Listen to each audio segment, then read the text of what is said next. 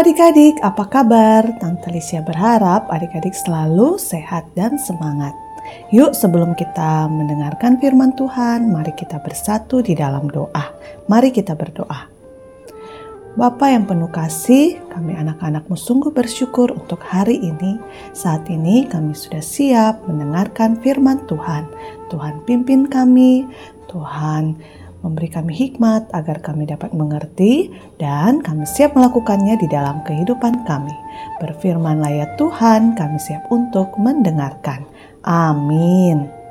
Nah adik-adik, pembacaan firman Tuhan hari ini terambil dari Mas, Mas, Markus 1 ayat 40 sampai ayat 45. Markus 1 ayat 40 sampai ayat 45. Ayo dibuka Alkitabnya, kita baca ya. Seorang yang sakit kusta datang kepada Yesus dan sambil berlutut di hadapannya, ia memohon bantuannya katanya, Kalau engkau mau, engkau dapat mentahirkan aku. Maka tergeraklah hatinya oleh belas kasihan.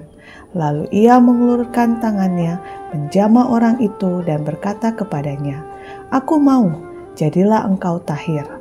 Seketika itu juga lenyaplah penyakit kusta orang itu, dan ia menjadi tahir. Segera ia menyuruh orang itu pergi dengan peringatan keras, Ingatlah, janganlah engkau memberitahukan apa-apa tentang hal ini kepada siapa pun, tetapi pergilah, perlihatkanlah dirimu kepada imam, dan persembahkanlah untuk pentahiranmu persembahan yang diperintahkan oleh Musa sebagai bukti bagi mereka. Tetapi orang itu pergi memberitakan peristiwa itu dan menyebarkannya ke mana-mana, sehingga Yesus tidak dapat lagi terang-terangan masuk ke dalam kota. Ia tinggal di luar di tempat-tempat yang sepi, namun orang terus juga datang kepadanya dari segala penjuru. Demikianlah pembacaan firman Tuhan. Adik-adik yang baik, hari ini kita mendengarkan kisah yang luar biasa Tuhan Yesus menyembuhkan orang yang sakit kusta.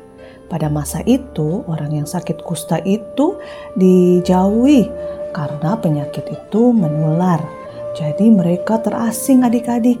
Tapi dalam eh, bacaan Alkitab yang kita baca, luar biasa ya. Tuhan Yesus mau menjamah, menyembuhkan orang kusta itu. Orang kusta itu datang memohon belas kasihan Tuhan Yesus agar disembuhkan. Namun Tuhan dan Tuhan Yesus tergerak hatinya untuk menyembuhkan. Dia mengulurkan tangannya, menjama orang kusta itu, dan seketika itu lenyaplah penyakit kusta orang itu. Orang kusta itu sembuh dan kemudian ia dengan semangat menceritakan apa yang dia alami kepada banyak orang. Wah, luar biasa ya Tuhan Yesus sanggup menyembuhkan penyakit apa pun termasuk penyakit kusta. Wah, adik-adik bagaimana dengan adik-adik? Pada saat adik-adik sakit atau ada anggota keluarga yang sakit, apa yang adik-adik lakukan? Apakah kita seperti seorang yang punya uh, menderita sakit kusta itu? Dia datang kepada Tuhan Yesus dan memohon belas kasihan Tuhan. Adik-adik juga bisa seperti itu dengan cara kita berdoa kepada Tuhan, lalu kita memohon uh, kepada Tuhan agar kita diberi kesembuhan, agar anggota keluarga kita diberi kesembuhan. Tuhan pasti mendengar dan menjawab sesuai dan seturut kehendak Tuhan. Nah, adik-adik, yuk kita sama-sama katakan, Aku percaya Tuhan Yesus penuh belas kasih dan sanggup menyembuhkanku. Sekali lagi yuk. Aku percaya Tuhan Yesus penuh belas kasih dan sanggup menyembuhkanku. Yuk mari kita bersatu di dalam doa. Bapa di surga, kami percaya Engkau penuh belas kasih dan berkuasa untuk menyembuhkan kami semua. Ajar kami agar selalu percaya dan memohon pertolongan Tuhan.